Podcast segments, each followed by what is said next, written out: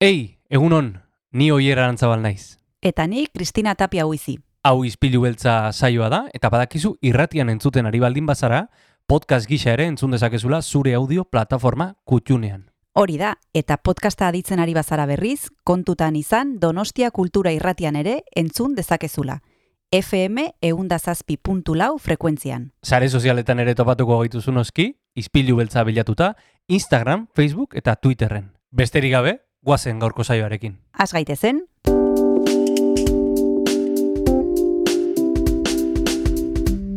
Ispilu beltza.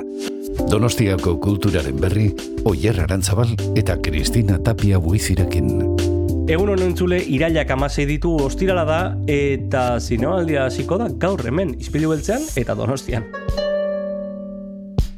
Eta zinemaldiarekin pelikula eta jende interesgarri mordoa izango dugu, e, hemen izpilu beltzean bidatzeko, egun hon, Kristina. egunon oier, guri gaur ez digu denborarik eman kursaletik egiteko, ze atzo ingen itun elkarrizketak, bia, gaurtik aurrera e, hemen e, kursalean egongo gara, eta badekizue e, zinemaldian e, eduki mordoa izaten ditugula beti izpilu beltzan, ostirala denez, literaturari buruz hitz egingo dugu gaur hemen Donostia Kultura Irratian eta horretarako Arantxa Urkia gonbidatu dugu, berak ekarriko du Las palabras que confiamos al viento liburua, Laura Imai Mesinak idatzitakoa.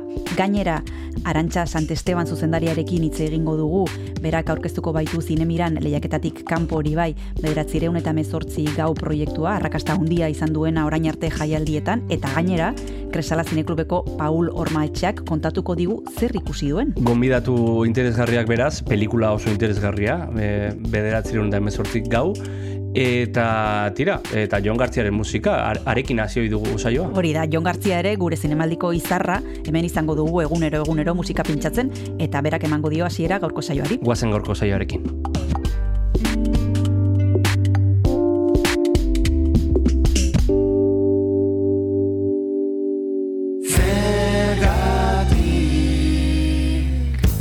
Ostirala da entzule, baina badakizue asteburontan ez dugula jai hartuko izan ere zinemaldian murgiltzera goaz. Eta tira, ala ere ostiralari hasiera ona emango diogu. Physis versus Nomosen azken kantuarekin, e, Donostiako piratei hoegarren urte hurrenan egindako abesti ederrarekin. Eta goazen astera, aurtzaka goaz kantuarekin. Lotzen gaituzte itxasondora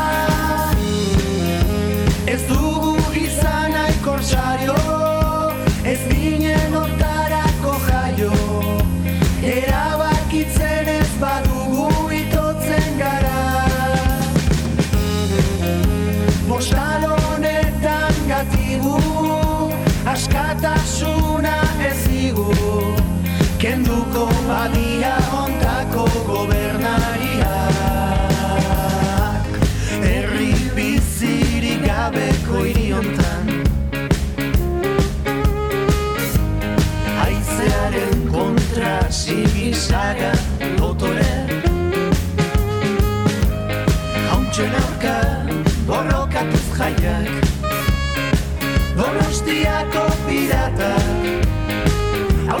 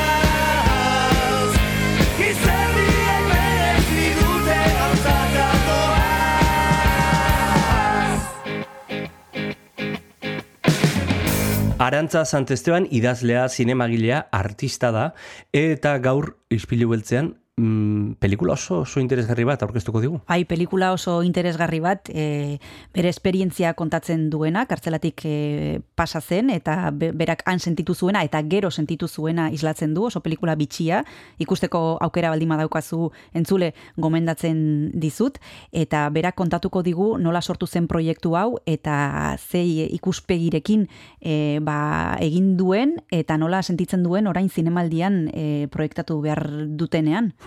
Arantza Santesteban gaurko ispilu beltzean entzun dezagun.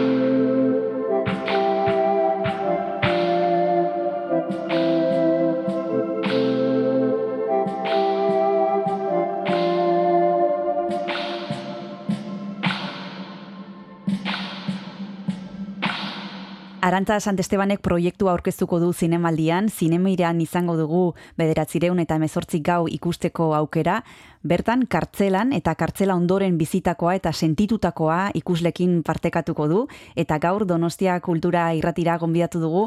Egunon Arantza, zer modu zaude? Egunon, oso, oso ondo. Bai, Bueno, bai. Lehenbiziko gauza gustatuko litzaikoke guk e, zirrikitu batetik pelikula ikusteko aukera izan dugu, baino askok eta askok oraindik ez, jaialdietan ibilbidea izan du, ibilbide oparoa, eta ikusi ez duenarentzat eta ikusteko asmoa daukanarentzat zer ikusiko du bederatzireun da mezortzi gau proiektuan, zer da? Ba, beratzi, onda emezurtzi gau proiektuan, e, nik beti esaten dut, batez ere ikusleak ez du ikusiko e, pelikula nahi bada egonkor bat, edo Mm. pelikula bat oiko lenguaiarekin, edo oiko narratibekin kontatutakoa.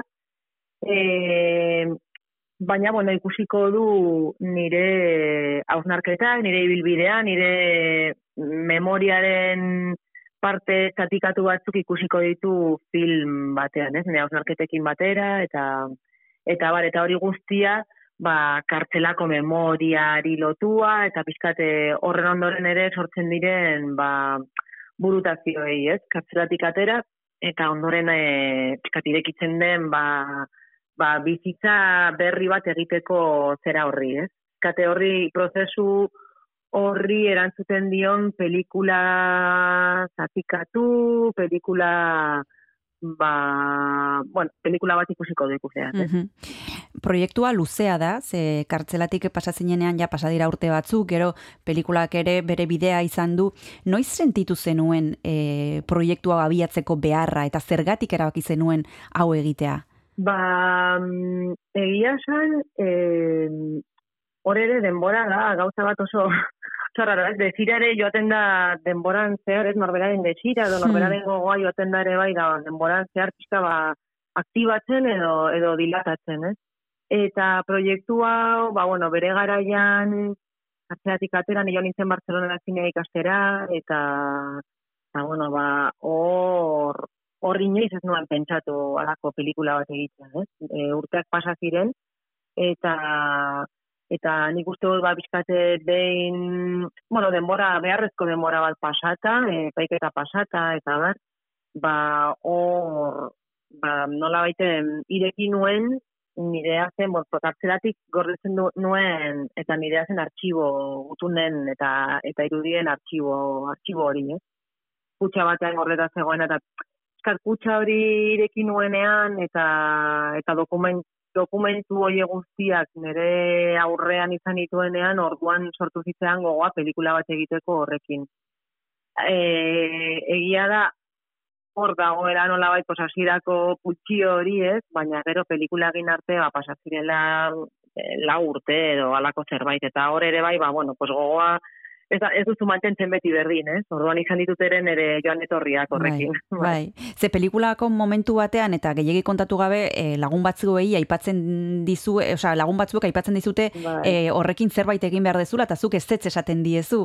Ez hor aldaketa Bai. bat egonda eta, eta prozesu bat, iritzi aldaketa bat. Bai, hor, hor nire, bo, zinema ikasi nuen lagunekin, ba, bueno, ba, pixka kontatu nien nola nondik eh, nentorren, eta mm, eta ze pasa zen nire, ez, ba, nire bizitzan esan zuten, jo, ba, ba, horrekin zerbait egin barko litzateke eta guk egin nahiko genuke pelikula bat, ez? Eta nik esan nien, ez.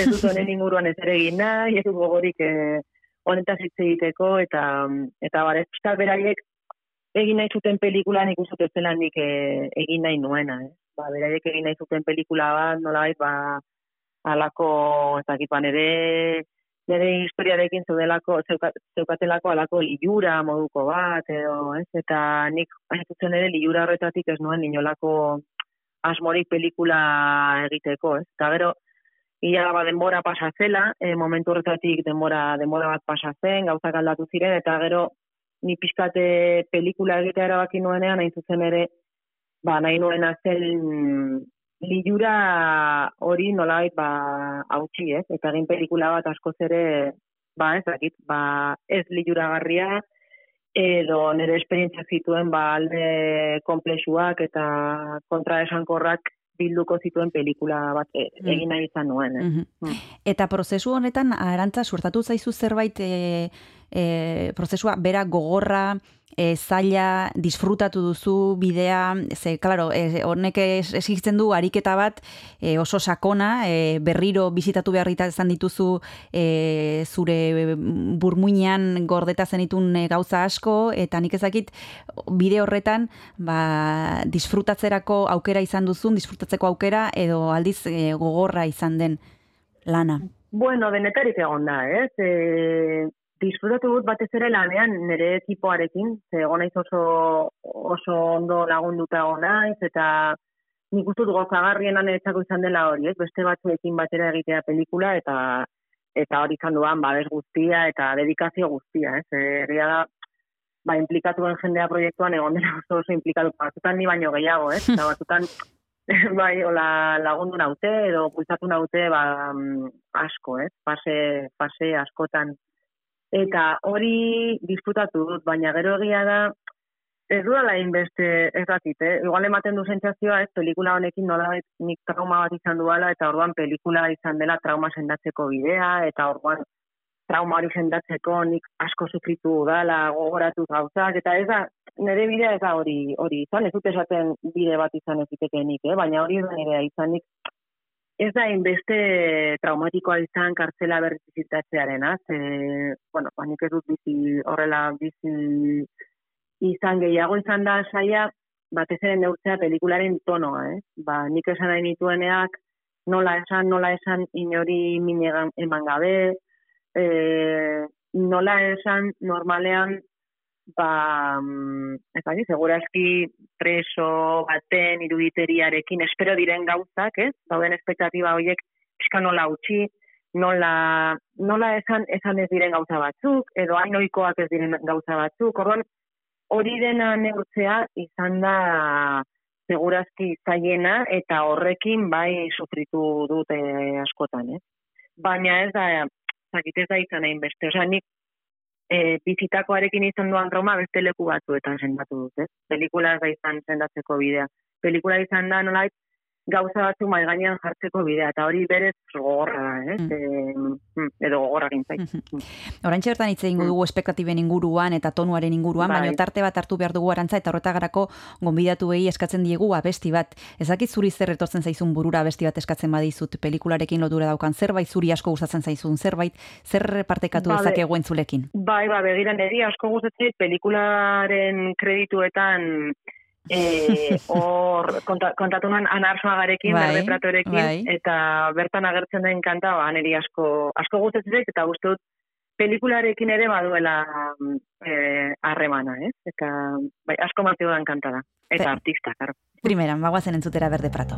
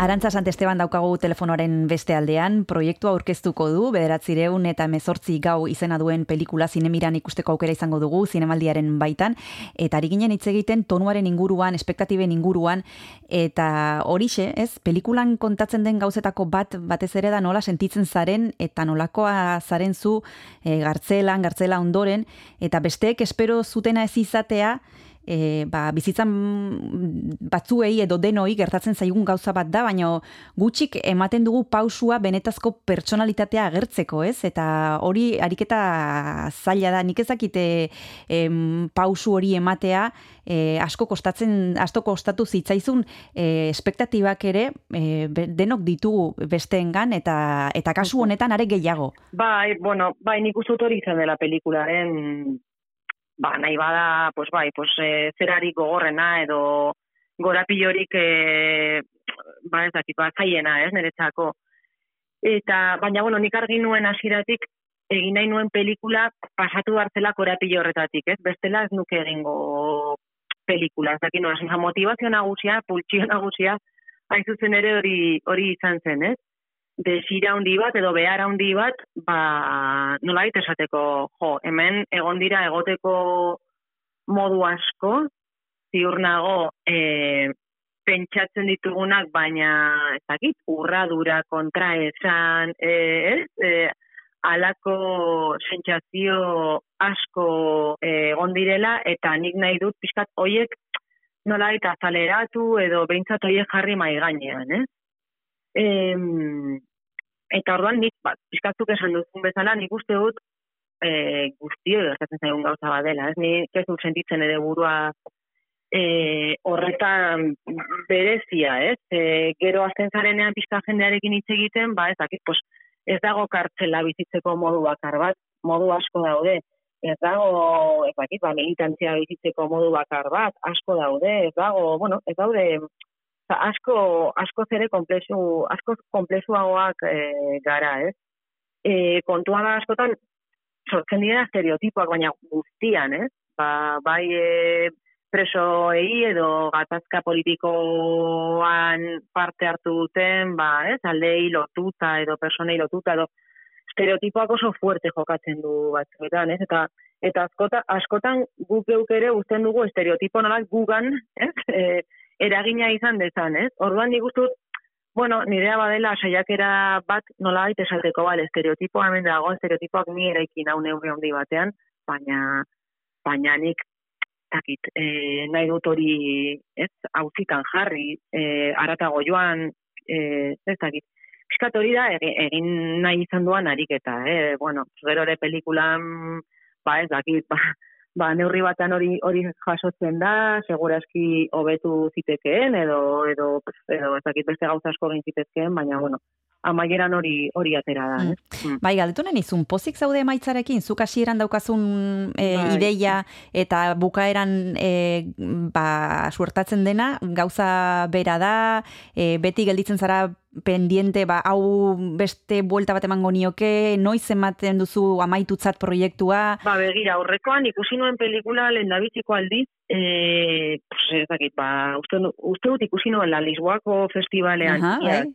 Eh, behin, eta gero duela gutxi ikusi nuen beste behin, ba, bilgune feministak egin zuen hogeigarren urte hurrenean, eta, bueno, uste duen ere bai, ba, ba, lagun asko ba, feminismoan eta elkar ezagutu genuenak, eta iruditu zitzaidan aukera ona beraiekin batera ikustea pelikula berriz, zen normalean ez dut ikusten nik. Eta, eta ikusi nuenean pentsatu nuen, ez nuke hau egingo berriz.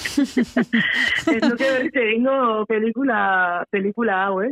Baina, ba ez dakit, eske aldatzen gara, eta prozesu hauek oso luzea dira, eta, eta beti okurritzen zaizkizu gauza ezberdinak, ez? Orduan, ni pelikularekin duan harremana da, pelikula oso zaila zela egitea, pelikula hau ere oso aldakorra izan zitekeela, ez? Ez dela, ez dakit nola esan, ba ez da pelikula ez dakit gidoi itxi duen pelikula bat, historia itxi batekin eta narrazio zera oso konkretu batekin, baizik eta da gehiago oso perceptiboa, oso sensitiboa, oso, ez, e, momentu batean e, izan dudan pultsio batetik e, sortutakoa, eta bar, orduan pelikula asko izan zitezken unearen arabera, ez?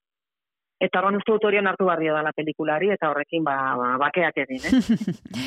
Bigarren tarte bat hartu behar dugu, arantza oraintxe jarraituko dugu honen inguruan hitz egiten, aurrekoan berde prato entzun dugu, ezakit bigarren deskantzuuntarako zer proposatzen duzun. Ba, begira, hor, pelikularen musika eta e, pentsatzen lagun odian horbait izan da, Ibon, Ibon Rodríguez, Ibon RG, eta, bueno, berak ere deskubritu zian berde prato, nik ez nuelako ezagutzen bere momentuan, eta, bueno, ba, iruditzen zait e, musikari e, hola oso interesgarri bat e, entzuteko moduan. Ban bere edozein gauza entzuko nuke. Ederki, guazen entzutera, Ibon.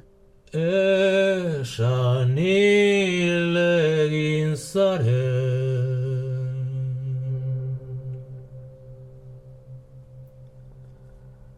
En hau iluntzen zure itzalak Ez isten dirdirak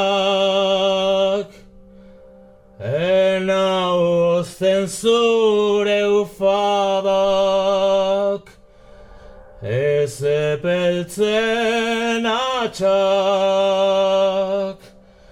Nire zatzen du zara. Nire zatzen du zara. Deus ez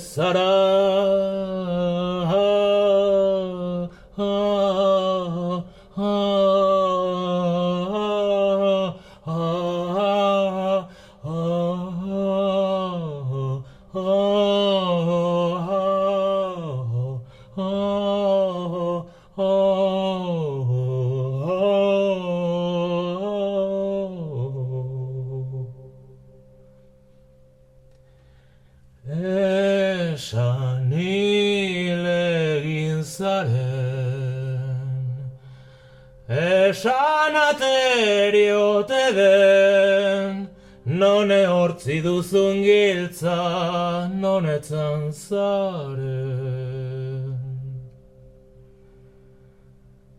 Enau samurtzen zure loak Ez hortzen hauenak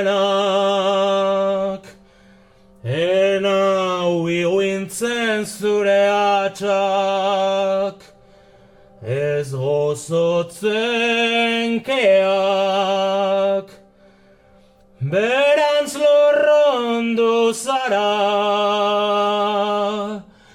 Berantz lorrondu zara Hautsa zara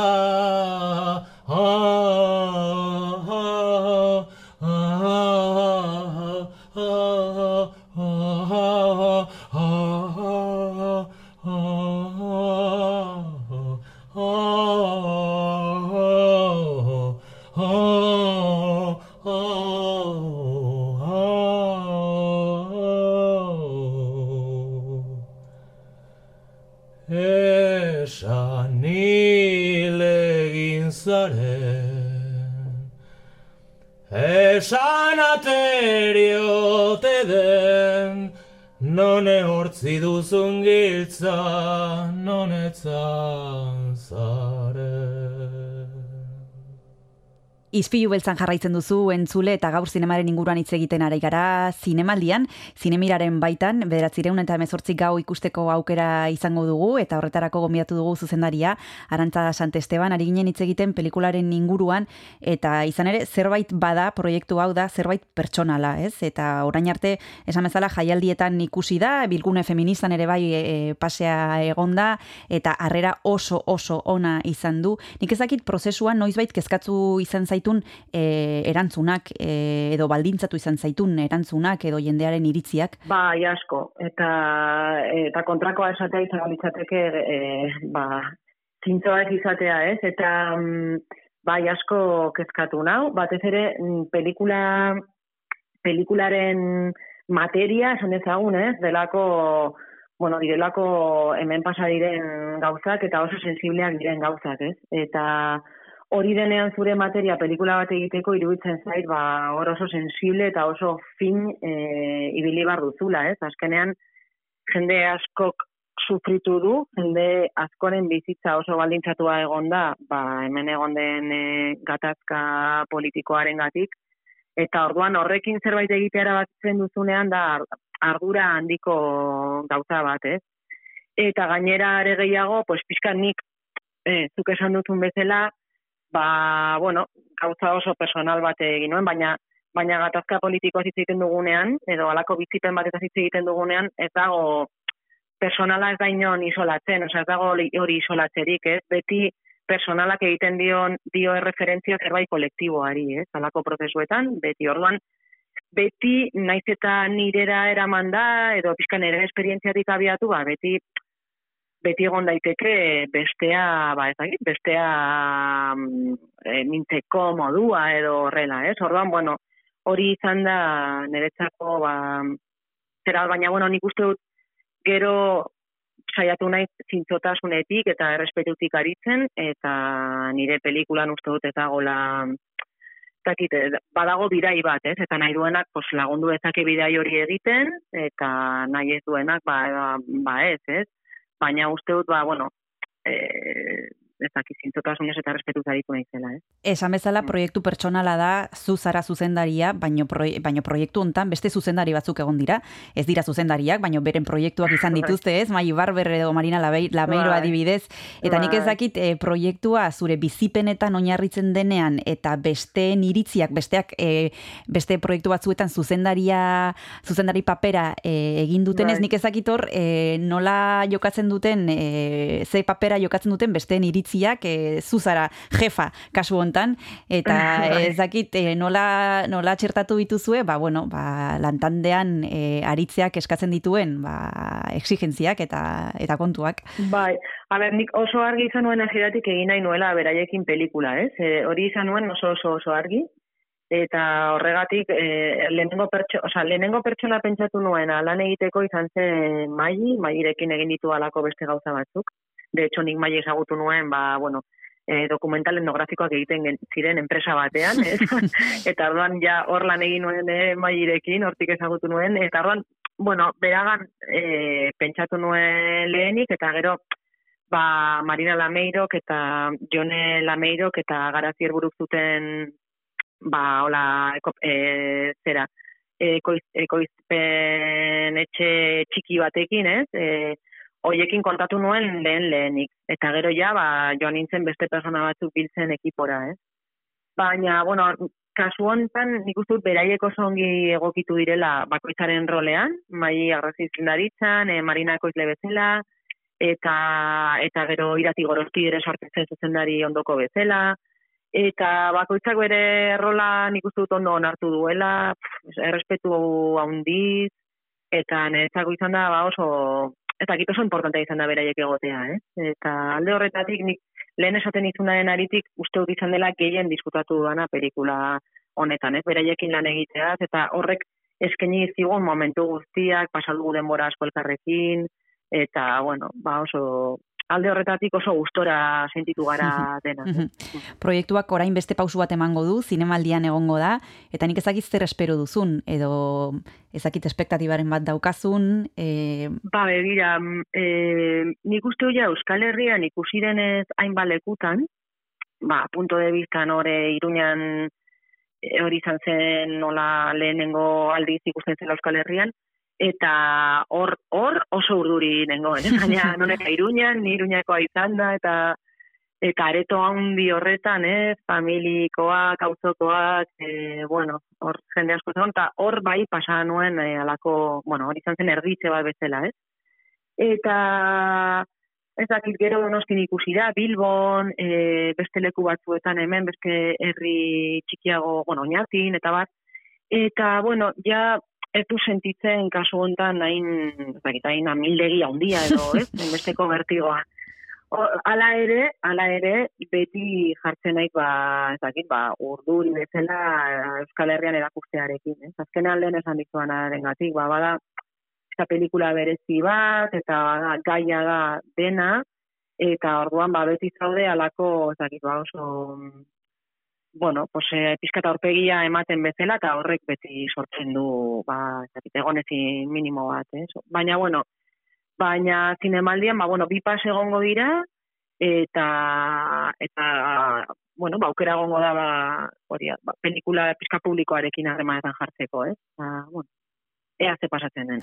Ikusiko dugu ze pasatzen den, eta nik ezakit horrelako proiektu bat eta gero zer, arantza, ezakit eskuartean beste zerbait daukazun, eta ze gorputzarekin e, abiatzen Bai. duzun beste gauza bat, ez? E, horrelako ariketa egin eta gero. Bai, begira, ba, e, justo orain ari naiz doktoretza amaitzen, e, doktor, doktoretza tesia amaitzen e, Lisboako Unibertsitatean, eta justo tesiaren parte bada pixka pelikuaren prozesua, eta, eta, eta orduan ari naiz pixka pea pelikulan irekitzen dituan hainbat gai, nola baitu orain ba, kontestu teoriko edo akademikoago batean lantzen, eta orduan hori amaitu behar du datorren urtean. Beraz, momentuz ez dute ez, ez nago, osea, hor- horretan oso zentratua nago eta ez nago irekita hola beste beste proiektuetara, ze bestela ezingo dut amaitu. Tesia. E, baina gero, bueno, baditut, hola, aireia buruan, eta mm, argi daukadana da, urrengo proiektua izango dela guztiz ezberdina. E, badut beharra pixka talentzeko, orain egindako horretatik, eta, eta izango da beste, seguraski, beste proiektu mota bat, beste gai bat, ez da lehenengo pertsona bat izango, eta, bueno, pixka beste, beste gauza batzuetara bateko gogoa ere badute. Bueno, ba, horren zain egongo gara, bitartean bederatzireun eta emezortzi gau daukagu eskuartean, esan bezala zinemiran ikusteko aukera daukagu, aurtengo zinemaldian. Eskerrik asko, Arantza Santesteban, izpilu beltzara hurbiltzeagatik besarkada bat eta hurrengora arte. Ba, izuei, mila mila esker, eta ongi izan. Aio. Aio.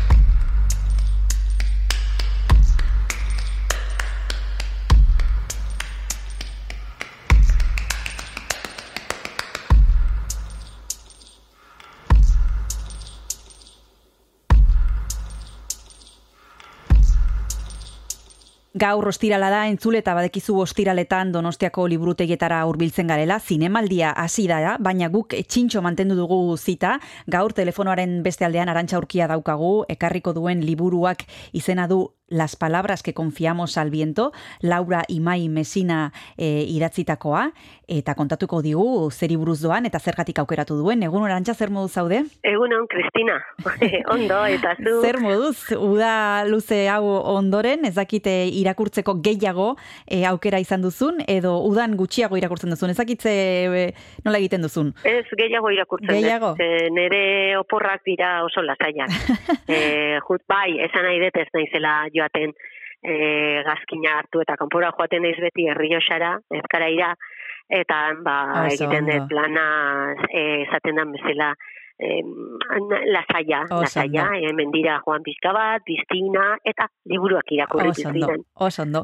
Ba, liburu ekarri duzu, beti bezala, ostiralero bezala, esan bezala, las palabras que confiamos al viento izena du, eta jakineko Bai. genuke asteko e, arantxa, e, zeri buruz doan, zer kontatzen duen e, Laura Imaik Mesinak liburu hontan? Begira, e, liburu honetara iritsi nintzen, ba, e, liburu dendako, ontza liburu dendako e, saltza, e, la saltzaileak e, askotan gomendatzen dizkit eta liburu hau eman zidan eta esan zidan. Bueno, e, kuriosoa da, horrela esan zidan, eta badu zerbait, eh? Ez, e, bueno, badakizuen eri gustatzen zeitela batzutan gauza komplikatu xamarrak. Eta orain honetan ez, liburu hau ez da bat ere komplikatua, e, doluari buruzko liburu bat da eta bizipozari buruzkoa. Beraz, esan nahi dut, e, bi gauzak daudela liburuan, ez daukazute sensazio e, liburua irakurtzen dezutenean, egia esateko itxaropen liburu bat da. Baina bai, tratatzen du, e, galera bat izaten dugunean, eta galera fuerte bat, esan nahi dut fuertea, e, ez usteko galera bat, ez? E, deno galtzen dugu e, familiakoak, e, batez ere behin adina batera iristen zarenean, erikazo adan bezala, e, gurasoak eta bat, baino galera fuerteak izaten dira, ba, orden naturala nire ustez, hausten denean. Hau da, e, zeme bat galtzen dezunean, eta zeme gazte bat, e, ume bat galtzen dezunean. Bueno, horrek egiten dizu, e, era bat, e, ondamendi bat sartzen zaizu, sartzen zaizu horrelako kezka, eta liburu honen pertsonaiak ikusiko dezute, ba, e, ja aurreratzen dizuet, e, Jui izeneko emakume bat da, eta berak e, tsunami, 2011ko tsunamiaren ondoren, Japonian, galtzen du bere ama eta bere alaba hiru urtekoa. Claro, horrela, bueno, e, liburua baita ere, e, omenaldi bat da baita ere, e, tsunamia horretan, em, zenbat eh, Japonian, e, badakizue, galdu zuten amabos mila, amazei mila pertsona galdu zuten bizitza, asko da. Egun batetik bestera, esan nahi dizuzu, e, ez usteko hori, ba, mm, e, liburuan e, sentitzen dezu, ez? Ez dezu, espero, ugolde bat, e, ba, lurrikara bat, egia da, baino, ez ustea baita ere pertsonala, ikusiko dezute, mm, liburuan zehar, e, historia oso desberdinak daudela, historia labur-laburrak, eta danak, ba, nolabait, e, aizeari fidatzen ditugun hitzoiek, ba nola, nola kudeatuko dugu, edo nola pasatzen dugu e, momentu txarrori, eta berriro ere e, bizitzeko itxaropena hartzen dugu, eta bizitzeko go, gozotasuna. Horregatik liburua polita dela esaten dizuet. Oso ondo. Na, Aipatu bai. duzu, e, Arantxa, Jui dela e, protagonista, e, hogeita mar urteko emakume bat, bere Bai. ama eta bere hiru urteko alaba galtzen du tsunamian, Bai. eta hor hasten da e, ba, bere dueloa, eta Bai. egun batean e, kabina baten inguruan e, dauka berri. Ze pasatzen da hor? Begira, hori oso polita da, zure lanbide bezala, errealitatean jui, juik irratian lan egiten du, eta lehenengo horrian, ba, enteratzen ja, ba, programa irrati zaioa egiten ari dira, eta galdera bat egiten diete, galdera hori, ba, nola egiten duten aurre e, doluari. Eta orduan e, entzuleak deitzen dute, eta entzule azkeneko entzuleak, e, kontatzen dio juik eta beste guztiei, badagoela e, lorategi eder batean, aldapatsua den lorategi bat e, kujira jama mendian, e, dagoela kabina bat, haize, e, kabina bat, kabina telefoniko bat, ez? Eta, e, e, bueno, komunitatea da Japoiko, Japoniako komunitatea iguate, ezke benetan existitzen du, eh, kabina. Horregatik ematen dizkizuet azal, zape, azal, Bai, azalpen horiek Bai, bai. kabina horretara, ba, 2000 maikatik e, ondoren, e, pertsonazko joan ziren e, telefonoz hitz egitea, e, ba, hildakoekin. Batzuk e, egiten zuten telefonoaren zenbakiak e, markatu, beste batzuk bakarrik sartzen dira kabinak, beste batzuk joaten dira ara peregraniz- e, peregrinazio bat bezala. Eta hori, er, e, bueno, kabina hori existetzen dula, mesedez benak e, idazleak esaten du jendea ezazteko e, turismo hori egiten, eh? benetan existitzen du, irikita dago publikoari, e, esan dizuten tokian dago, otxusi Japonen dago, eta ederra da. E, ikusten badezute interneten zei kuriositateaz esan, jo, ba, benetan egia da, hau? ba bai, egia da, eta e, historia horretan oinarritzen da Laura Imai Mezinak ba, liburua idazteko. Liburua izan da, e, izugarrizko arrakasta aukidu e, nazioartekoan, nazioarte guztietan, hogeta zei hizkuntzetara itzuli da, Eta gainare, bai, dirudienez, eh, hori ez dut ziurtatu ez denbora izan, e, produktora batek e, eskubideak e, erosi ditu, badakizue, eta bai, Japonen dirudienez Nobuiru Subak egin du filma bat. Eh? Baina, bueno, ez dizuet ez, e, gustatzen zaitz e, hori, e, ez, ez izateko peregrinazio turistiko bat Ja, juten zehala ja. liburuarekin. A ber, ja, banoa Japoniara eta banoa Ja. e, ikustea non Ja. dagoen kabine hori. Ja. Ez, ez daitezen izan, bueno, berak eskatzen dut, nik ulertzen diot. Ja, Eh, bueno, autoreak nahi du baino- mantendu leku hori ba, bere funtziorako, ez? E, Bai, bere funtziorako eta batez ere zuk sentitzen duzunean, dirudienez, ba, zuk sentitzen duzu gogo hori, ez, e hori, baino ez da, ez da turistikoa, ez da ateratzeko argazkiak kabinari, Ja, ja, ez, ja. eh, ba, horregatik. Oso Bueno, orduan existitzen du, eta irrati zaio horretan juik e, jakiten du, hori existitzen dela, eta zer erabakiko dun, ba, erabakiko du, ara joatea. E, jardina, e, lorategiaren izena da Belgardia, eta esan dizuet, dagoela mendi batean, lorategia oso ederra da, eta hango, e, handago pertsona bat zaintzen duela e, lorategi hori, eta zaintzen ditu ara joaten diren pertsonak. Eh, liburuan ikusiko dezuen. Beste pertsonaiari buruz nahi bezu hitz egitea, eta Bai, gero... orantxe bai. dugu urrengo pertsonaiaren inguruan, baino lehenago hartu behar dugu atxeden bat, arantxa eta horretarako Bai. badekizu, ja esperientzia daukazulako gure programan, abesti bat Bai. eskatu behar dizu dara, eta nik ezakit ze pentsatu duzun tarte hontarako. Ba, begira, nik askotan e, e, liburuekin erlazionatzen dut, eta badakizu zein jarriko dugun e, liburuan bertan, e, bon, gero pizkat estiloari buruz hitz egiten dugunean tartekatzen dira e, musika eta eskaleta bat, eh? eskaleta. Eta lehenengo eskaleta, hau da, e, historia jakin ondoren, komendatzen digute, e, esango dizut izena, Max Richter, Mrs. Dalloway in the Garden. Mm. Musika da, eh? Entzun dut. YouTubeen, eta ez nuen ezagutzen, baita ere horregatik esan nahi dizuet, eh, askotan eh, liburuak eta mm, liburuetan azkeneko bolada hontan eh, eh, musikak eta eta abestiak eh, erlazionatzen dira eta niri gustatzen zait ba, ba bueno, nik egin dudan eh, deskubrimentu hori ba zuei ere eh, nolabait komentatzea. Ba, eskerrik asko partekatzeagatik deskubrimentu hau, guazen entzutera bestia, eta oraintxe itzuliko gara Bai. liburuaren inguruan aritzeko.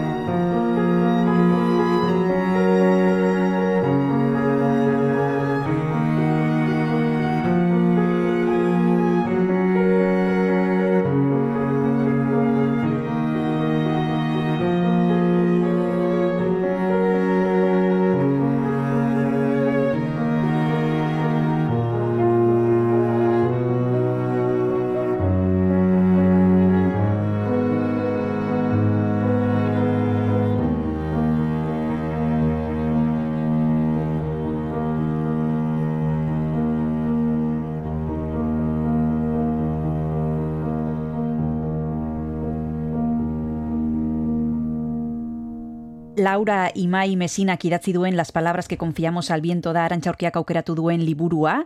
E, esan bezala Jui da protagonista, hogeita mar urteko emakume bat, e, Japonian, tsunamia dela eta bere ama eta bere hiru urteko alaba galtzen ditu, eta orain arantxak hitz egin behar zigun beste pertsonaia baten inguruan, urrengo protagonista nor da? Bai, e, urrengo mm, protagonista importanteen ateakoa da, ta, takez i gizona da, eta takezik galdu du e, emaztea, baino ez du galdu emaztea tsunamiaren ondorioz, e, gaixotasun baten ondorioz.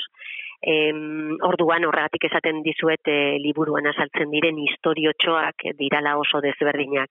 Takezik ere bai entzungo du, edo jakingo du e, liburu, e, kabina, aize kabinaren berri, eta joango da baita ere belgardiara.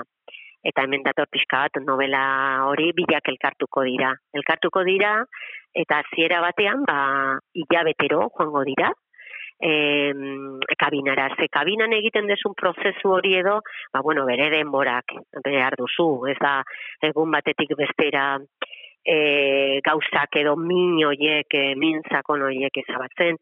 Bueno, eta han ezagutuko dira. Eta liburuan zehar beraien historioa importantea, e, ez dizuet egingo orain honetan spoiler ze bestela ez da ez da kai alako trama eta hori bueno ba al- e, ikusiko dezuen nola batak eta besteak aurkituko duten e, bizipoza eta beste pertsona batzuk ere ezagutuko ditugu eh? E, orduan, hirugarren pertsonaia importantea historioa edo bezala da susio, dala mm, e, mutil bat, ezagutuko du Takeshik, eta horren historia kuriosoa da, ze bere aita oraindik bizirik dago, baino dauka arazoak aitarekin. Orduan, e, mm, liburuak e, e, baita ere nere ustez hitze e, hitzari buruz e, da hitz egiten du. Askotan isiltasunak edo eskotatzea gauzak edo bere garaian ez egitea pakea ba aireko batekin, bueno, mm, guzti hori buruz hi- hi- hitz egiten da. E, nire ustez ez da, e, bueno, badu liburuak e, puntu bat e, esango genuke autoayuda. Eta askok ez dute esaio gustatzen liburu horiek de autoayuda. Zer egin behar dezu ba ulortzeko edo ez. E, Laura Imai Mesinak nire ustez mm, prosa delikatu batekin e, gutxi esan da, e, aizean gelditzen dira hitzak eta bakoitzak barneratuko ditu. Horregatik e, gomendatzen dizu eta agian gaia esango dezu, jo, ba, bueno, ez da hain berria aizeari hitz egitea edo ez da hain berria hildakoekin hitz egitea, ez? Baina bada nire ustez trataera eta prosa. Prosa hori nola lortzen duen eta nola tartekatzen duen, eh? liburuan tartekatzen dira, jui eta takesiren historioa, pixka bat nobelatua, eta gero eguneroko bizitzako gauzak. Nola esango dizuet, ba, ze importantea den, ze erropa jarri zilon juik bere alabatxoari e, hil baino lehen, hori gogoratzen du, edo gogoratzen du baita ere detailetxoak, ba, ama eta alaba aurkitzen, ze aurkitzen dituzte badekizue tsunamion ondoren egon ziren hildakoak, baino e, okerragoa niretzat dena dela desagertutakoak. Ez dezunean gorputza aurrean edukitzen, beti egitu zait oso terriblia. Eta orduan aurkitzen dituzte ama, bere ama, juin ama eta alabatxoa denak e, bezarkatuta. Eta orduan horrelako detaila politiak dira. E, bueno, mm, oso pertsonaia politia da, da takesiren alabatxoa, jana. E, bere galera horren ondorio, ondoren, e, alabak ez du hitz egiten. Eh? E, zei urte ditu, baina ez du hitz egiten. E, hitzik gabe geratzen da. Eta, bueno, hori aurreratuko dizuet, e, bururatzen zaio takesiri baitere alaba ematea. Belgardiara, kagina horretara, e, juik animatu egiten du ez, takeshi da medikoa, eta bueno, baditu bere zalantzak, e, alabari ondo etorko zaion eta oso ondo etortzen zaio. Ez dakigu inoiz, zer esaten dan kabina horretan sartzen danean, eh? Ez pentsatu.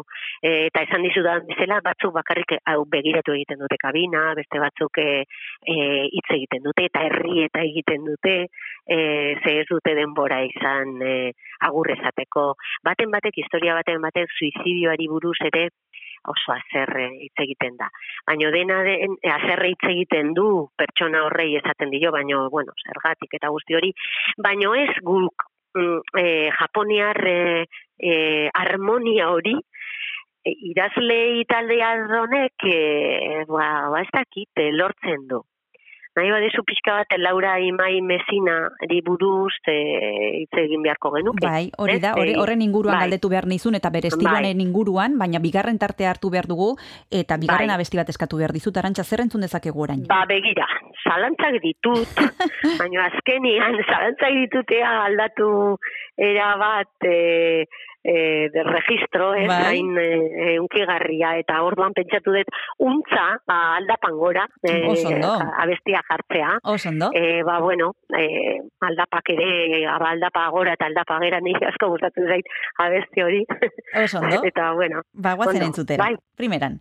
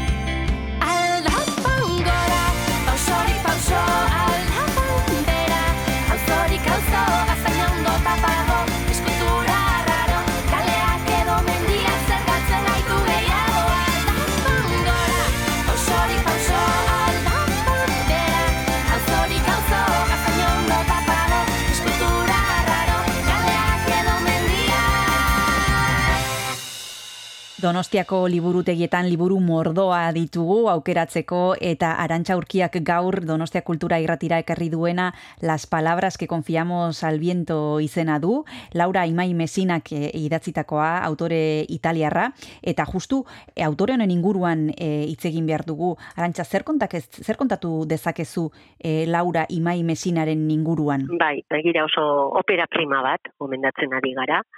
E, bueno, lehenengo obra obra ez da, baino bai erderara itzulia, eta esan dizudan bezala, e, hogeta zei hizkuntza desberdinetara. Laura Imai Mesinak, e, jaio zen berez erroman, pentsa, italiar bat, Eta gero, ba, hogeita hiru urtekin edo hogeita, e, hogeita hiru urtekin, ba, joaten da Tokiora. Zeberak eg- egiten du Japoniera e, ikasi.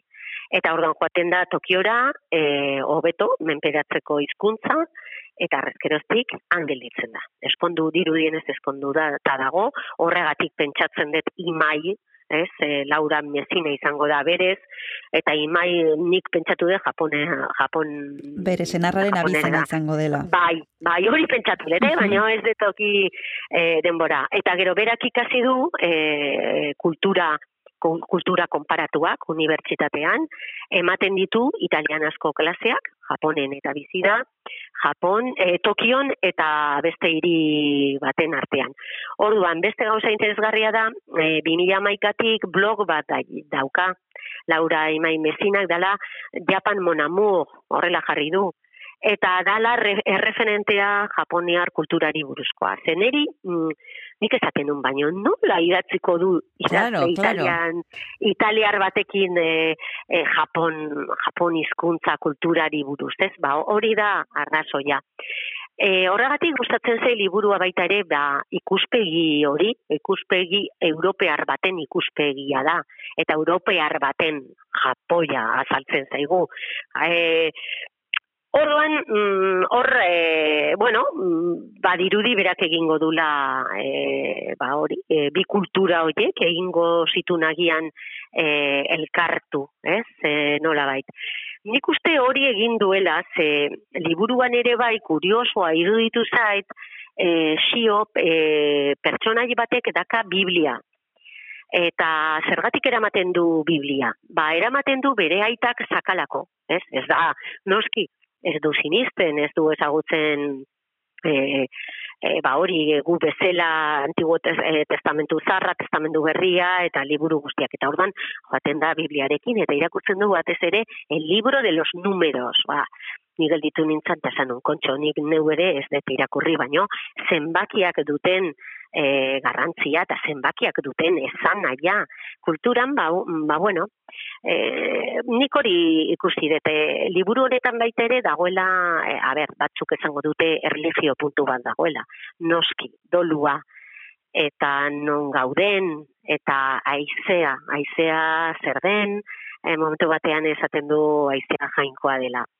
Eta hori, e, badakiz ez dakit gogoratuko duten ere entzuleak, ba, Biblian e, badago tarte bat non esaten dan, da- irakurriko dezue eh, libro de los reyes usten dala, eta lehenengo dago Elias profeta, ez? Eta orduan lehenengo dator tsunami bat, gero dator eh, beste, bueno, lurrikare importante bat, eta azkenian dator aize suabea leuna, eta orduan esaten du hori jainkoa da. Orduan, mm, da nire ustez, e, claro, horrelako kultura desberdina, beraiek ai, horrelako kultura desberdinak, horrelako kultura aurreratua, eta gero horrelako liburuan non egunero daukaten e, beraien etxean, japoniarrak, e, hildakoak hain, hain presente, bueno, ba, beste detaietxo bat kontatuko dizuet. E, amak, e, Takeshiren amak, bere zenarra hildakoarekin, e, hitz egiten du, ze dauka bere etxean aldare, alt, bueno, ez dizut esango aldare bat dela, baina egunero kontatzen dizkio e, ba bueno, nola di joan bere nola di joan jana e, ezagutu baita ere jui ezagutuko du e, pertsonaia nagusia eta gustatuko zaio. Bueno, e, ikusten dezue hitz denbora guztian ematen du e, japoniarrak daudela hitz egiten bere arbasoekin, bere galdutakoekin. Claro, eta gero e, horrelako zibilizazio aurreratua, bueno, aurreratua eta gero daukaten garrantzia ohitura txikiak. Hori da. Tradizioa, Gauza ez da? txikiak, tradizioak, eh? Liburuan ikusiko dezue, mm, hainbat, bueno, e, bu, liburu eran dago glosario, iztegi txiki bat, ze tartean, e, hitz e, japoniar e, lotuta dauden hitzak daude. Eta nahi badezute eta denbora daugakoazue, ba, azaltzen danean hitz hori joaten zarete iztegira a, eta esaten dezua, pastel txiki bat da.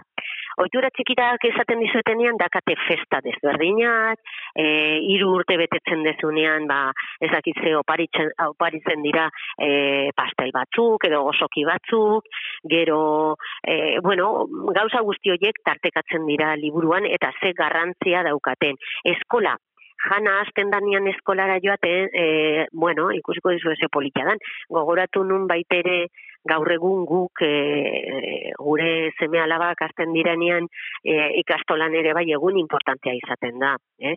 Ze nola baiteko e, bueno, beste bizitza batekin hasiko da, eta da dituzu beldurrak, nola joango dan, bueno, e, mm, liburuan hori oso ageri azaltzen da, benetan ez genuke pentsatu biharra inbeste etorkizunean eta eguneroko gauzekin gozatu, gozatu, e, garrantzia eman, e, gauza txikiei, hori teoriaz, esango diazu, Kristina, bueno, hori denak esaten dute. eh? Bai, hori erresa da teorian, baino gero egunerakoan... mm, Bai, Ez dakit, ez ote eh, zaiguna eh, azten.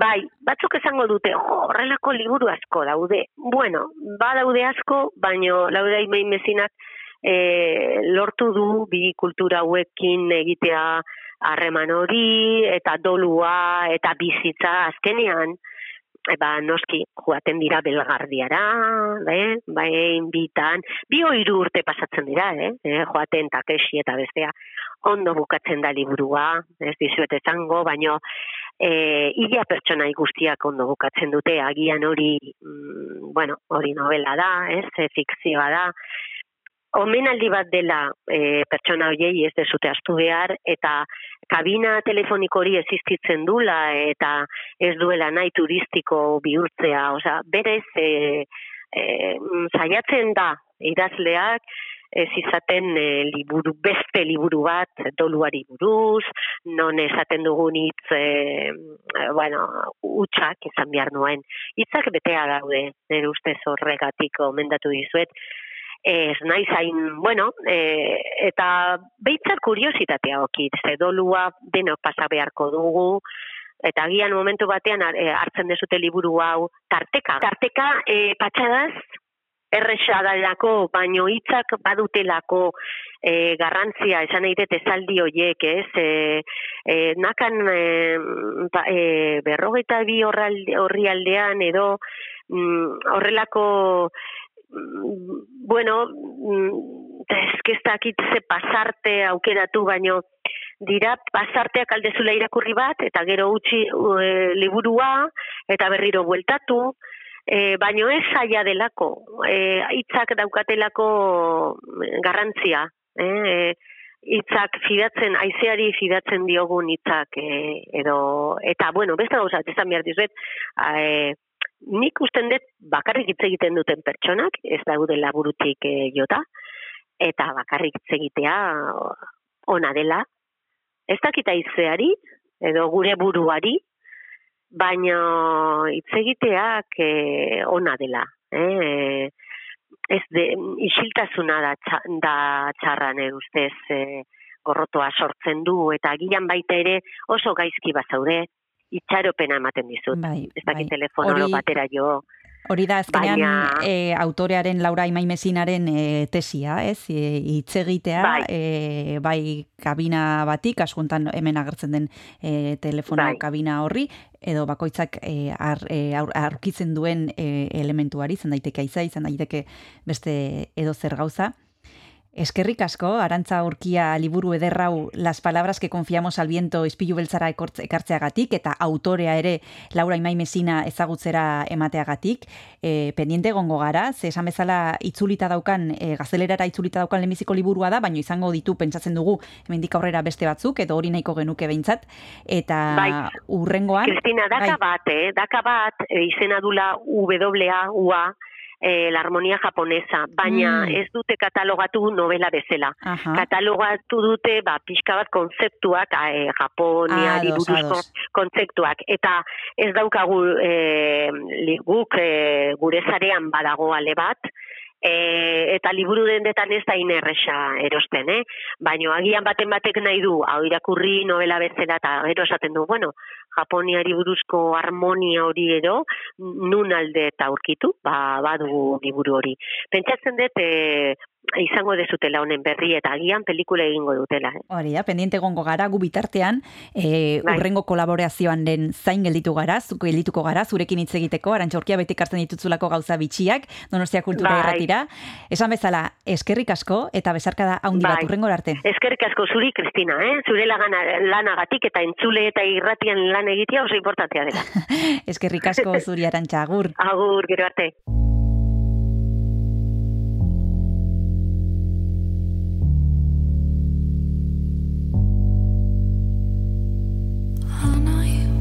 Batek besteari tabernan esan zion. Zu baino hau zareta naiz neskak dio. Aulkitik altxazen mutia sumindu da Lepoa utzi zion gorrituta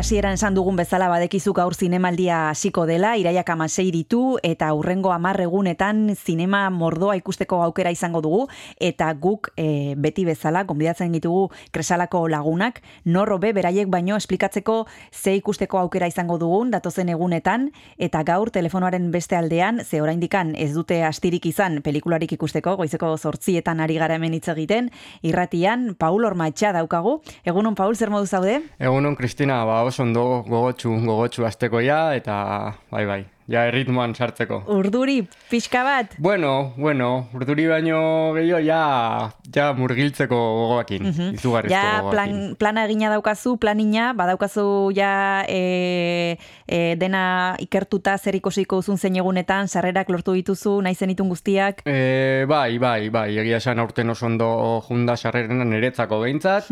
e, bueno, norbait irakurri diot, ba, berarentzako ez dela hain ondo jun, baina niretzako primeran, sarrera guztik hartuta, e, nahi nuna ikusteko gainera, osea, que oso oso kontentu. Zenbat pelikula ikusiko dituzu gutxi gora bere egunean? Ba, ez dakit, lau, bost, Wow. Eh, ba, depende eguna, baino bai, gutxi gora bera lau bost bat. Bueno, hemen izango dugu aukera zuekin hitz egiteko eta pelikula hoien inguruan hitz egiteko, baina orain galdetu behar dizugu, Paul, zuk jada zinemaldian proiektatuko diren pelikula batzuk ikusi dituzu, beste leku batzuetan, aukera hori izan duzu, eta hoien inguruan galdetu behar dizugu.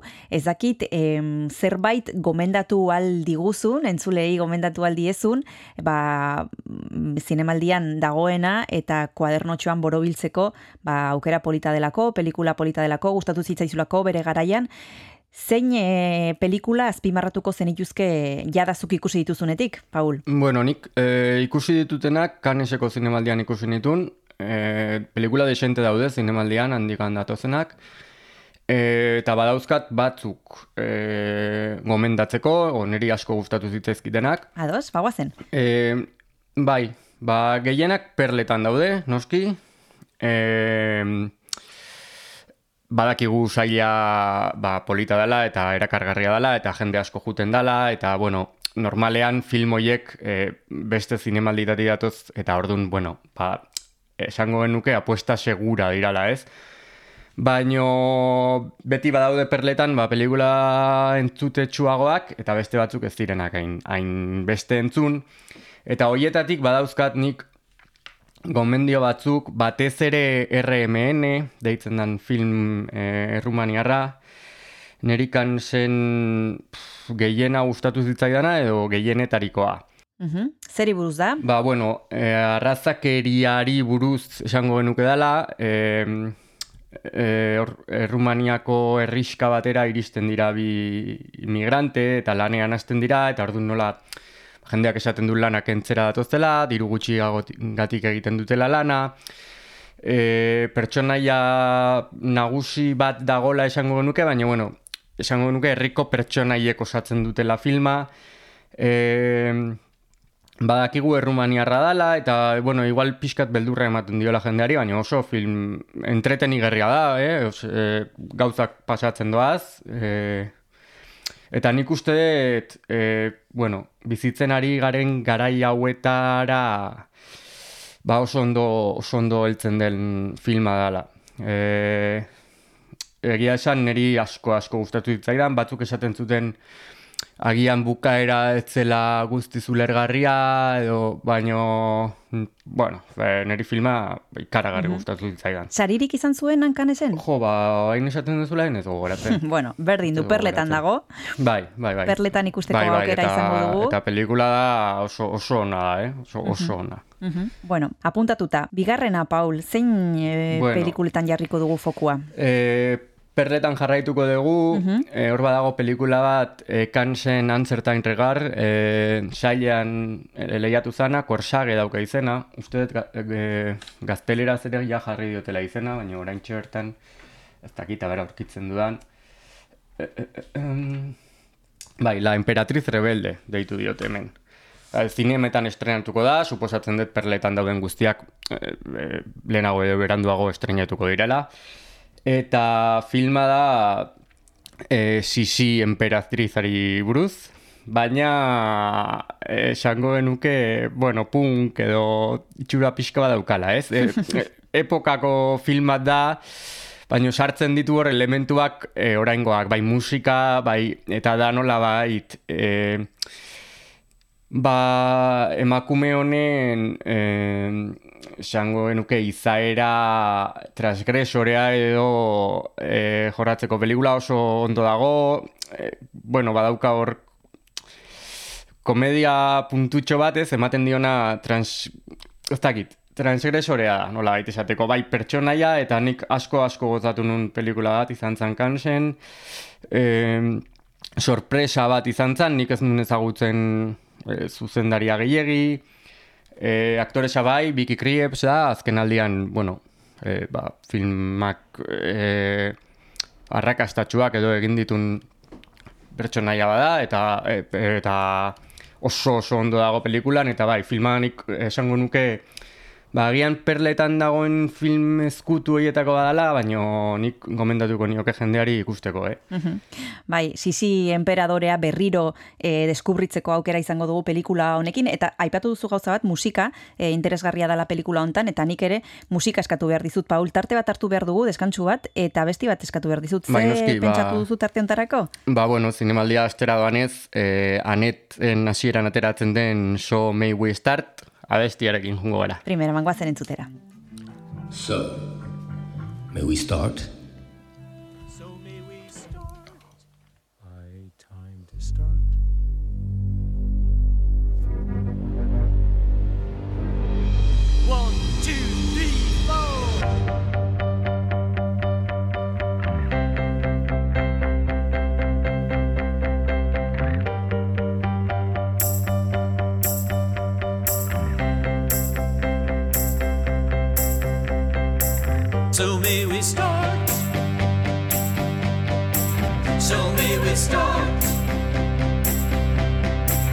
It's time to start.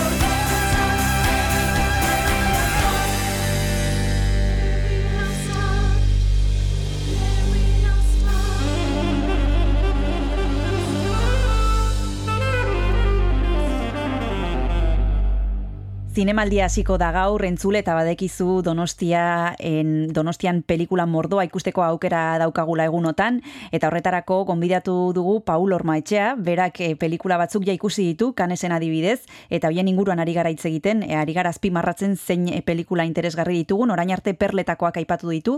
Paul, beste zerbait eh, polita ikusi zenuen kanesen? E, bai, bueno, perletan pasako ditut pixka bat gainetikan, Bai. gomendatzen ditudan filmak ere bai, e, asbestas dago, Rodrigo Bai. Zorogoyenen filma, Bai. e, pf, e, oso oso ondo dago, oso ondo dago, izugarrizko tentsioa daukan filma da. E, gero dago e, One Fine Morning, e, Mia Hansen Loven pelikula zoragarria da, oso oso polita da. E, nik uste dut ba, perletara juten dan publiko horri gustatzen zaizkion pelikula hoietakoak. e, Koreedarena Broker ere ba, pelikula polita da, ba, Korea ezagutzen dutenak badakite gutxi Bai, gora bera zer bai. ikusiko duten. Eta, bueno, perletatik e, oiek e, gutxi gora bera. Ah, barkatu, aztu zait, kans irabazizun filma. E, eukizula hor, e, bueno, kritika positiboa eukizitun, negatibo asko ere bai, nik uste dut zinemaldi batean dala gozatzeko film bat. E, da komedia bat, e, bi ordu terdi irauten du eta zaude parrez ia film guztia. Zein da, Paul? E, Triangle of Sadness, Ruben Oslunena, e, nik pasanun ikaragarri ondo, gainera hori, zinemaldi batean, ez, normalean gehienak dramak eta izaten Bai, dianak, bai. E, sartzen da, sartzen da izugarri ondo, e, esate ditut, bi ordu terdi pasatzen dituzu, pff, ba, parrez lehertzen. Nik ikaragarri ondo, ondo pasanun film hortan. Beraz, ba, bueno, e, ba, pixka bat ez, e, zinemaldiko ritmo hori lasaitu nahi dunak, edo Bai. deskanso bat hartu nahi dunak zinema ikusten jarraituz, baino pixka bat burua deskantsatuz, nik gomendatzen diot ikaragarri. Eta gero ja beste sailetara goaz, e, Zabaltegin gaur gauean estrenatzen du Esti Urresolak, Bai. bere laburra, e, kanesen egontzan ere bai, e, Semana dela kritikan, han ikusi nun nik, oso ondo dago, e, nik gomendatzen diot jendeari ikusi albadu guk kresalan aurreko, aurreko labur metraia jarri genuen, niri pixka bat gehiago gustatzen zait aurrekoa, baina alare kuerdas, dala orain zinemaldian aurkezten duna, oso oso ondo dago.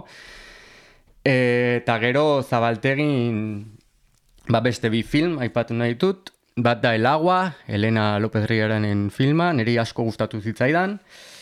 E, dauka ba, Elena López Rieraren lehenengo luze metraia da, bere labur metraiak dokumentalak edo dokumentalantzekoak edo ez fikzioan ziren, honek badauka hortik zerbait, nahiz eta fikzioa izan, eta nasten du oso ondo ba, esango nuke naturaltasun hori eta dokumental antzeko hori eta realitate hori fantasia pixka batekin, ez? Herri batean pasatzen den gauza da, leyendak daude, eta nolabait leyenda hoiek egi antza dute, edo egi bihurtzen dira, edo horuzten du, ez? Gauza, eta, eta e, nasketa hori oso, oso ondo ateratzen zaio, niri asko gustatu zitzaidan filma. E, guztiz gomendatzen dut, egia esan. E, arritu intzaidan, zenik bere dokumentalak ikusetan euskan, bere laburrak, eta bueno, gutxi gora bera hori espero nun, baina film honek gehiago dauka, nik uste dut oso, oso ondo dagola. E, aktorea oso ona da, gainera aktore berria da, e, bere lehenengo lana da, eta oso oso ondo dago. Eta bai, e, gomendatzen dut guztiz. Eta beste gomendio bat, zabaltegin baita ere, e, Gotland, e, film islandiarra da. Hau bai agian ez dela publiko e, esango genuke zabalarentzat.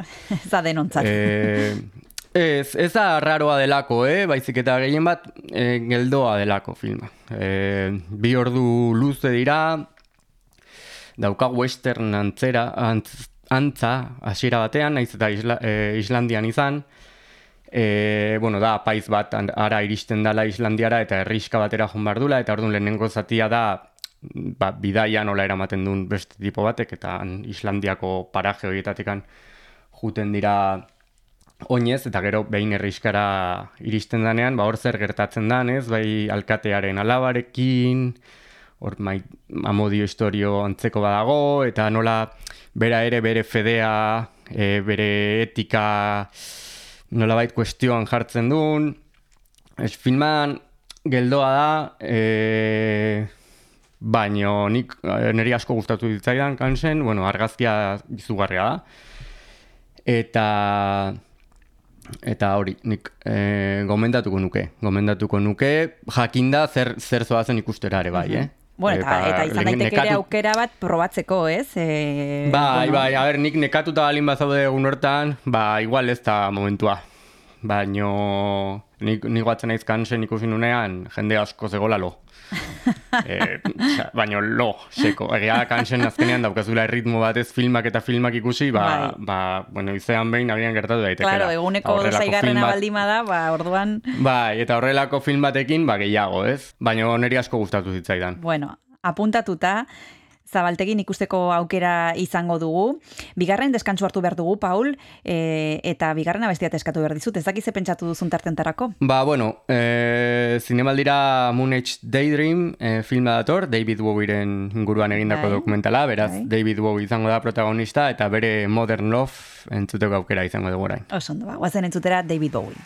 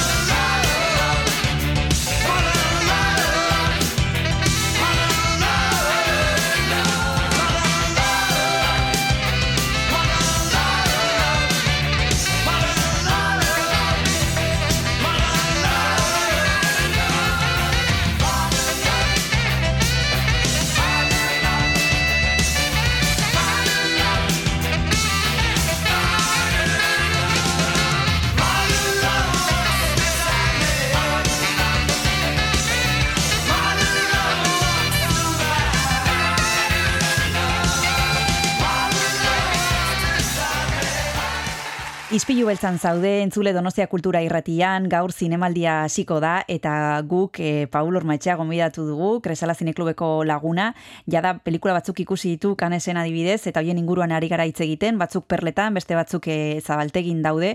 Aipatu du Esti Urresola, kuerdas e, laburra ekarriko duena zabaltegira, adibidez guk hemen izango dugu egunotan e, ispilu beltzan, eta beste e, protagonista batzuk ere, gogoratu pelikulak ikusteaz gain, aukera daukazula, ba, elkarrizketak a- entzuteko, elkarrizketak irakurtzeko, egunotan e, kultura saietan informazio mordoa izango duzula pelikulen inguruan, aktoren inguruan, zuzendarien inguruan, eta ez dakit zerbait gehiago e, azpimarratu beharko dugun aurtengo programan, Paul. Ba, a ber, ni azpimarratzen ari naiz ikusi ditut dik, noski. E, besteak, ba, e, zakit. Ba, Claro, normal. ba, filmen bat gogo asko daukatena ikusteko, baina, bueno, gero horizontesen ere pare bat dauzkat ikusita, e, nere ustez ez dira ba, sekulako pelikulak.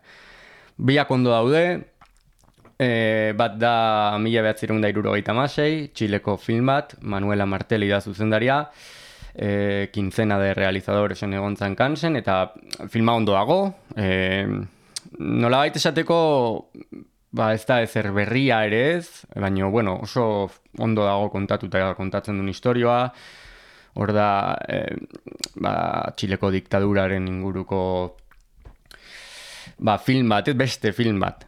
Baina, bueno, historioa niri gustatu zitzaidan, oso ondo dago eginda, e, oso ondo dago antzeztuta, ba, esango genuke ondo dagoela filma, ez daukala ezer berririk ere ez, baina, bueno, e, nik gustora ikusi nun. Eta berdina la jauriarekin. La jauriak la semana de la crítica irabazizun aurten kansen, eta da tipika pelikula, Horizontes Latinos, e, denuntziak, eta eta horrelako gauzak, eta berdina, eh? Osea, filma ondo dago, niri ez zidan beste munduko ez ere esan, baina eh, ondo dago filma, eta badago jendean ibadakitena gustatuko zaiola, ba, zine soziala eta horrela gustatzen zaienei, seguro gustatuko zaiela, interesgarria da, kontatzen duna, eta ba hori, hori. Baina, bueno, nik, nik niretzako besterik gabe, eh? Eta hoiek dira Paul ikusi dituzunak, baina nola aukeratzen dituzu ikusiko dituzunak? E, zertan fijatzen zara zuzendaria, izena, e, beste lekuetan egon den edo ez, e, zein da kriterioa e, aukeratzeko eta egiteko zure kiniela ba, ediziontakoa kasuntan? Nik eh, ja oin dela hiru dela urte hartu nuen erabakia eh, zuzendari berriek berriaketik film guztiak ikusten ditut. Mhm. Orduan ja me quito una cosa. Ja, hori dena, fijo dago. Eta punto. Hor gainera eh, referentzia ez daude referentzia asko. Claro. Eh, normalean zuzendari berria dira eta ez dituzu ezagutzen. Bueno, aurten Maria Elorza dago. Eh, bueno, nik bere aurreko lanak ikusi ditut. eh, Bai, laburmetraiak eta Euskalduna delako. Baina hori da, baina bestela ez daukate referentziarik, ez? Baina bueno, denak ikusten ditut, beti interesgarria iruditzen zait e, saia, e, batzutan pues batzuko beto, beste batzuk ba un toston, baten batean sorpresa, eh, sorpresa politen bat ere aurkitzen duzu, hori asko gustatzen zain niri. Mhm. Ez ere espero gabe zoaz, ez? Eta, eta noizean behin esaten duzu ala. Baina, Eta hori, eta gero ja besteetan, pues, zabaltegira desente juten naiz, eta gero besteak, bai, pues, zuzendaria, nik normalean perlak ez ditut ikusten, baten bat agian, baina gero zineman ikusten ditut. E, horregatik zabaltegia adibidez, gero zinemetan estrenatzeko batzuk estrenatzen dira, baina bestek zailtasun gehiago izaten dute, eta gustatzen zait zinemaldian ikustea, eta gero gelditzen zaiten tartetan, pues, bor bai, aloke ba, zuzendaria gustatzen balin bazait, aurten adibidez sail ofizialera jon transo dator, eta jungo naiz filma ikustera, seguro. E, eta, bueno, ba horrela, pixka bat, ba, ja gelditzen zaiten lekutan, ba, bai, a disfrutar. Zure erabakia, Paul, ikusten dudanagatik da e, e, sorpresak bilatzen dituzu, ezta? Zuk egiten duzu, batzuek egiten duten bide kontrakoa. Mm, Beste batzuk egiten dutena da perletara joan, e, lehen aipatu dugun bezala, segurua dalako, baina zuk egiten duzu kontrakoa. Bai, horregatik ez ditutela zailtasunik izan sarrera lortzeko, eh? Mhm. Hori urtero gertatzen zaitzen, ni juten naiz, jendea juten da ikustera, ba, gehien, atra, gehien atentzioa deitzen duena, ez? Eta e, nik badakit perletan daudenak ikusiko ditu dala, berriro. E, osea, zinemetan, estrenatuko dira, eta bar, eta sai- sail ofizialeko asko suposatzen dut ere bai, naiz eta sail ofizialera orten banoan, eh? bost edo sei ikusi behar ditut, un poco al tuntun, eh, Jon Sanso kenduta, eta Ulrich Seidel adibidez asko gustatzen zaidala, eta ikusi behar ditutela bere filma, baino bestela, bai, bestela juten naiz bilatzera, ba, bueno, ba, gero agian ez, dit, ez deten aukerarik. E, eukiko ikusteko, ez? Eta nik uste dut zinemaldi aukera dela horretarako eta nik hortarako erabiltzen dut. Gero bakoitzak noski, egin dezake nahi duna. Adibidez, ni Triangle of Sadness ikustera banoa, e, aurten. Eta ikusita daukat, orain dela hiru hilabete, baina izugarri ondo pasanun, eta aurten azkeneko egunean, azkeneko pelikula hori ikusiko dut, ze badakit parra inbar detela, eta ja nolabait, ba, zinemaldia bukatzeko eta e, estres eta neke guzti hori ba, nolabait kentzeko, ba, ba berriro ikusi behar dut. Baina bai, nik aukerak eta horrela egiten dut. Eta gero, epaimaiak eh, erabaki hartzen duenean, Paul, aserretzen den hoietako bat zara, eh, ez bazaudea duz eh, erabakiarekin, edo, edo berdin zaizu, ezakit eh, nola hartzen dituzun eh, normalean, eh, ba, ba hori azkeneko egunean ematen dituzten albisteak, eh, ados baldima zaude ondo, ez baldima zaude ados aserre, E, egia esan berdin zait. E, gustatzen zait asko erreakzioak eta irakurtzea. Mhm. e, Osea, aserretzen den jendea irakurtzea gustatzen zait. O- Ondo pasatzen dut, ematen du bere bizitza horrekin horrekin doala, ez? Eta eta niri beti kuriosoa iruditzen zait, zen ni gainera sariak ematen dituzten bitartean film bat ikusten nago, ni, ni naiz gelditzen e, zenek irabazi duen, edo gero Mhm. ateratzen nahi zenean, ba, ba, enteratuko naiz, eta bueno, ba, gero Twitterren sartzen naiz, eta hor jart, erreakzioak eta begiratzen ditut, eta grazia asko egiten didate erreakzioek beti, ze azkenean nik uzten dut, e, esan nahi, epaimaia dira bost edo sei pertsona, eta beraiek eukiko dute beraien ba, gustuak, ez? Zakit, osea, bera, bai, karo, eta ba, ba oso ondo iruditzen zait. Ez dakit, niri ez zaitela gustatu, ba, ez zait gustatu zen, eh? Osea, berdin zait, berdin zait.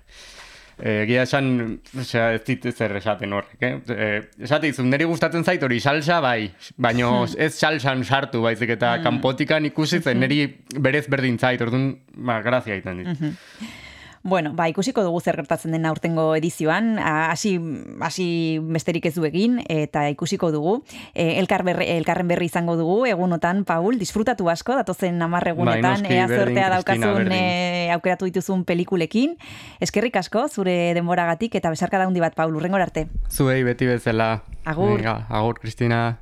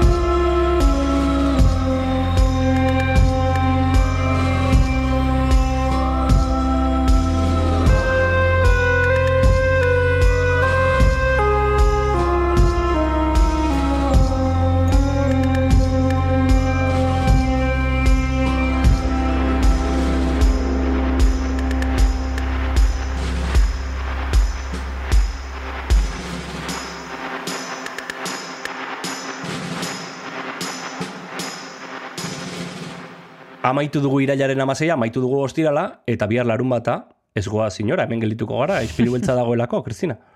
Bai, bihar larumata da eta ispilu beltza dago, badekizue zinemaldian e, saioak egiten ditugula larun batean eta igandean, protagonista pila daudelako eta bestela ez digula demora, ez digulako demorarik ematen Mm. e, zuekin partekatzeko beraiek e, daukaten kontatzeko guztia. Eta bihar itzuliko gara, e, xuban intxausti elkarrezketatu behar dugulako, berak zuzendu du gesto izena duen dokumentala, eta gainera kresala zinekulueko lagunak ere karriko ditugu. Mhm.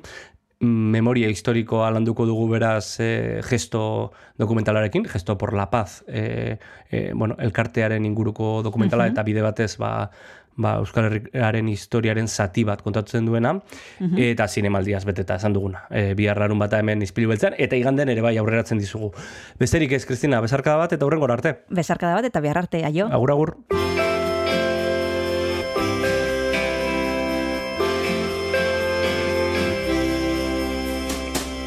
Noiz hasiote zen dena Izarren hautsurrunean Kubrikek ezurra ira Arazi zuen unean. Bilintxen negar ampulu Soil batekin urumean. Behin izan nintzen umean New Yorken zero gunean Kutsa metafisikoen barreneko utxunean Akaso zure egon gelan nire logela xumean. Agian dena bukatu zala esan nizunean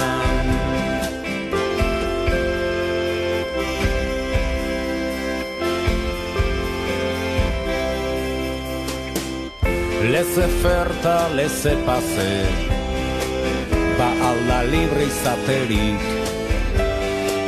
Grinen liberalismoaz Zer diozu Adam Smith Ekonomiak akaso Biotzak ez du legerik Ez mil urte batek ez bik beratu jenderik.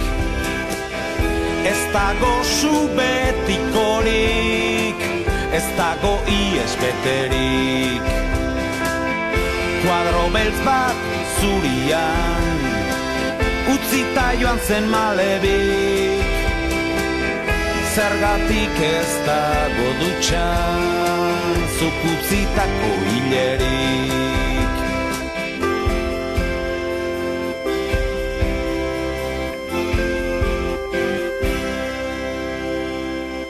Norberak sortu minori Da norberaren oinaze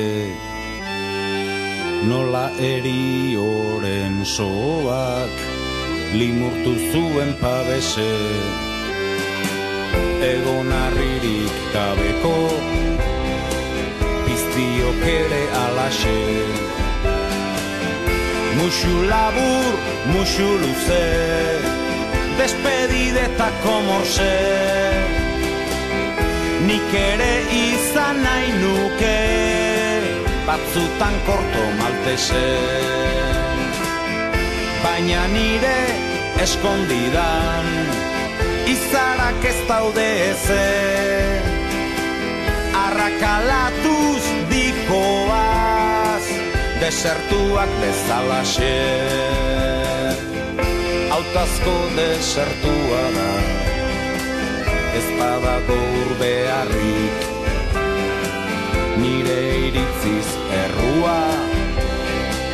Dutela boak tasarrik Ertzainakek politikak Ta iru lau ametxlarrik Ez dago fikzio txarrik Baina bizitzan alperrik. Ezin da eskatu irri bat Entzun nahi gabe negarrik. Lotan sozialista izan Kapitalista itzarrik Horregatik gozaltzen dut Goizero bakar bakarrik